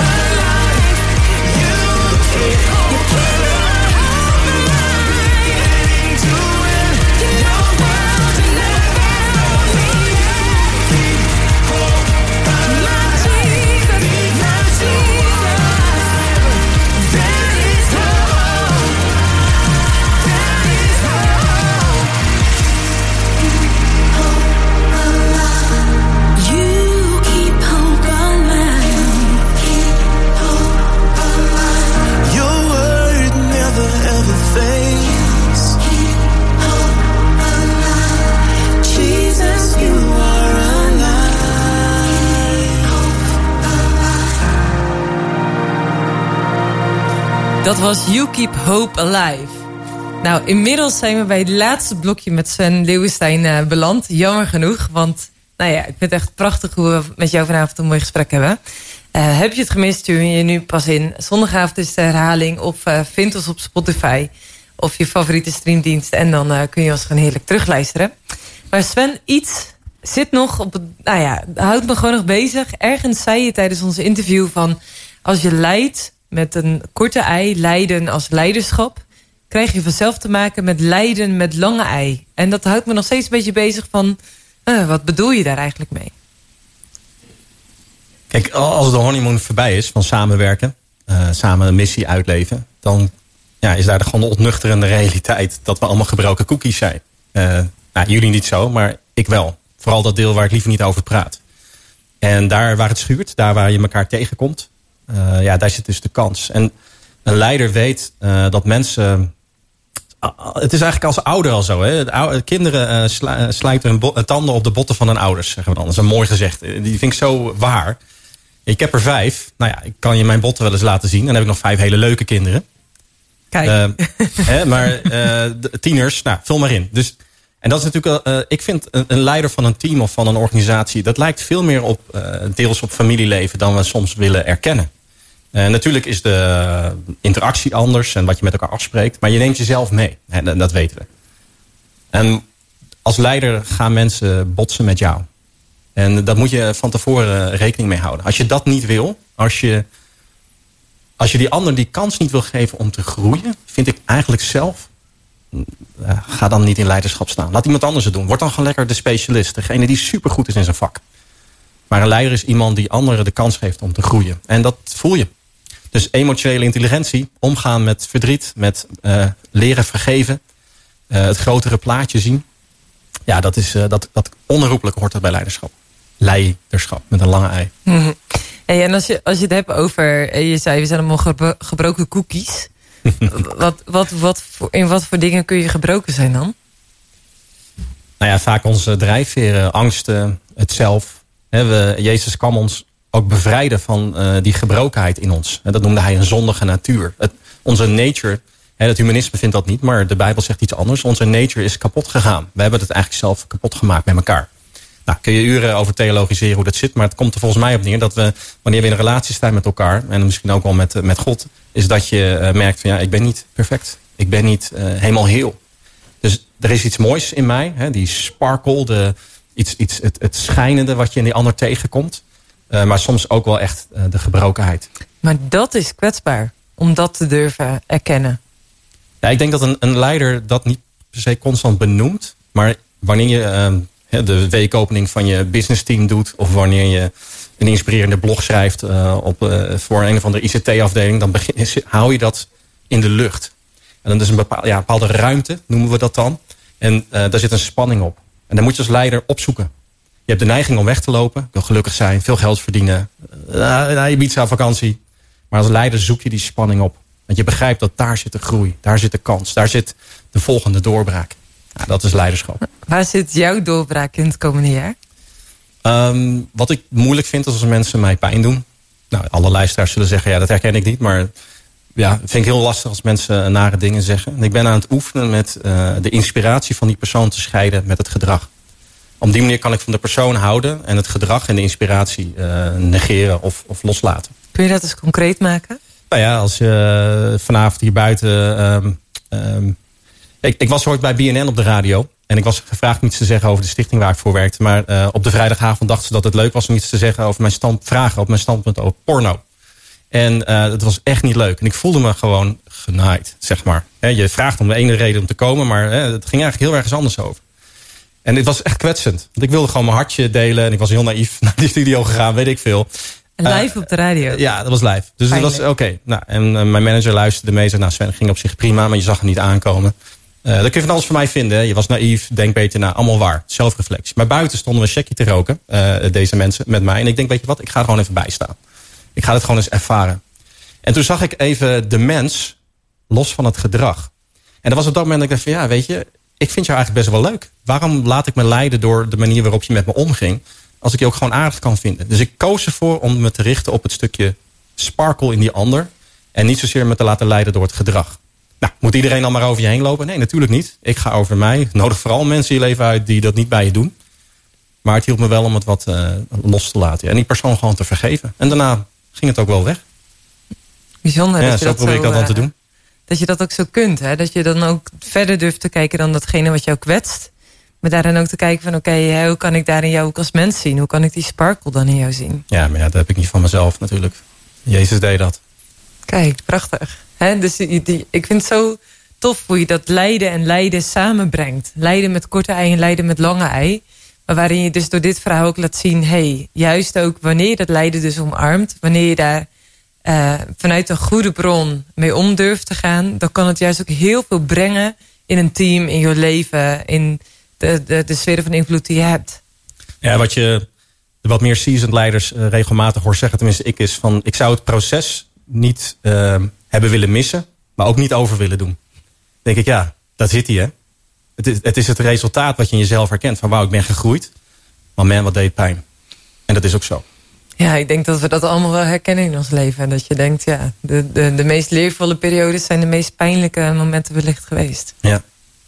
Hoe kijk je naar het komende jaar? Heb je ook een jaarthema? Of, eh, of eh, hanteer je dat nooit zo? Nou, we hebben het gehad over inspiratie, profetie. Ik zit in een eh, kerk hier in Amsterdam, God's Embassy. Daar, daar wordt het jaarthema eh, zeg maar, voorbereid door de leiders. En dat noemen ze Get Ready, dat event. Dat is de tweede week van januari of zo.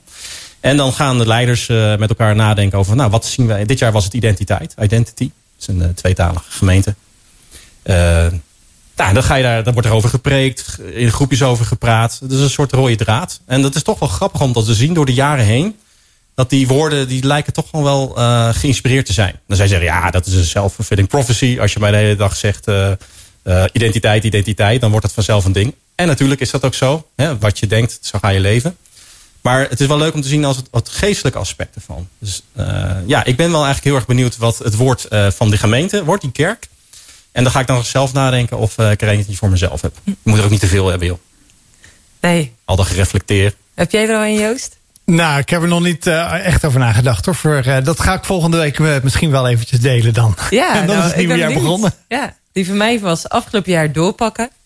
Juist in, eh, ik had een start-up in de evenementenbusiness en daarnaast een trainingscentrum. Nou ja, dat was ook niet echt heel Nee. erg succesvol in tijden van Nee, COVID. heftig, dus ja. voor mij was het eh, thema doorpakken. En het aankomende jaar gaan we bouwen. Dus ik heb al gereflecteerd op mijn afgelopen jaar en Wauw, vooruitgekeken. En eh, dat, dat was echt het thema van deze week. Heb jij ook een overarching thema, zeg maar? Dus eentje die meerjarig is of die elke keer terugkomt? Nou, dat heb ik in het doel die ik bereikt heb wel, ja. Dat is gewoon een eh, stabiel bedrijf opgebouwd hebben... waar je gewoon van kunt genieten. En waarbij je met een team kunt, eh, kunt toewerken naar heel veel mensen die shinen. Hmm. Ja, nou ik denk dat misschien voor mij het nieuwe, nieuwe jaar is rust en eventjes stabiliteit. Want ik heb een roerig jaar achter de rug met veel producties en veel eh, wisselingen eh, op de afdeling eh, waar ik werk. Dus ik denk dat dat voor mij echt 2022 wordt. Niet te veel hooi op mijn vork nemen. Lekker me richten op deze avonden, woensdagavond, Walter FM. Inhoud brengen en eh, gave muziek blijven zoeken. En eh, dat goed. vind ik eh, het allerleukste om samen met jou te mogen doen in 2022. Ook Hey, hey, op die als ik je mag onderbreken. Heb je, zou je het leuk vinden om zelf een geïnspireerd woord te krijgen? Ja, altijd. Dat hebben, we niet, dat hebben we niet voorbereid. nee. Maar in mijn voorbereiding vanavond toen ik naar je keek... moest ik heel sterk denken aan het woordje beschikbaar. En ik had het idee dat dat een stukje inspiratie is... waarin nou ja, daarboven ze je willen bemoedigen. Je bent beschikbaar. En dat is in eh, Gods koninkrijk super belangrijk. Hij kan alleen maar werken met mensen die beschikbaar zijn. We zijn niet perfect. Eh, jij misschien wel, ik niet. Maar beschikbaarheid is heel erg belangrijk. Want dan kan hij je leiden. Ja. En volgens mij wilde je wat eh, nou, hard onder de riem steken vanavond. Dankjewel Sven voor deze geïnspireerde profetische belofte die ik ook aan mag nemen. Dankjewel daarvoor. Ja, ik denk eh, onze uitzending zit er eigenlijk op. Want eh, we moeten echt eh, stoppen helaas voor vanavond. Maar wees niet getreurd vanaf volgende week. En eigenlijk vanaf vandaag al zijn we gewoon elke week woensdagavond van eh 8 tot 10 bij je. Met inspirerende sprekers, met toffe ideeën, leuke momenten. We gaan lachen, we gaan de diepte in, de hoogte, de hoogte opzoeken. Wees erbij, vooral volgende week Jan Pol, die hier in de studio is. Eh, een interessante man die eh, ook mooie verhalen te vertellen heeft. En ook eh, ja, veel over, over relaties weet. En over, ja, over veel ervaring heeft over kerk zijn. Of eigenlijk over ja, hoe kun je nou samen mensen samenbrengen om voor een missie te gaan. Het lijkt me heel erg leuk om hem hier ook te ontmoeten. Eh, ja, nogmaals, ik bedank je hartstikke voor het luisteren. Kijk eh, en eh, luister deze aflevering terug via de socials, via de, de Wild Fate eh, Spotify-lijst. Daar kan je alle afleveringen luisteren van, van Wild Fate. Bedankt voor het luisteren. En eh, ik zeg eh, eigenlijk tot eh, volgend jaar, toch Marije? Goede Absoluut. jaarwisseling. Kennen wij? Ja, oké. Ciao!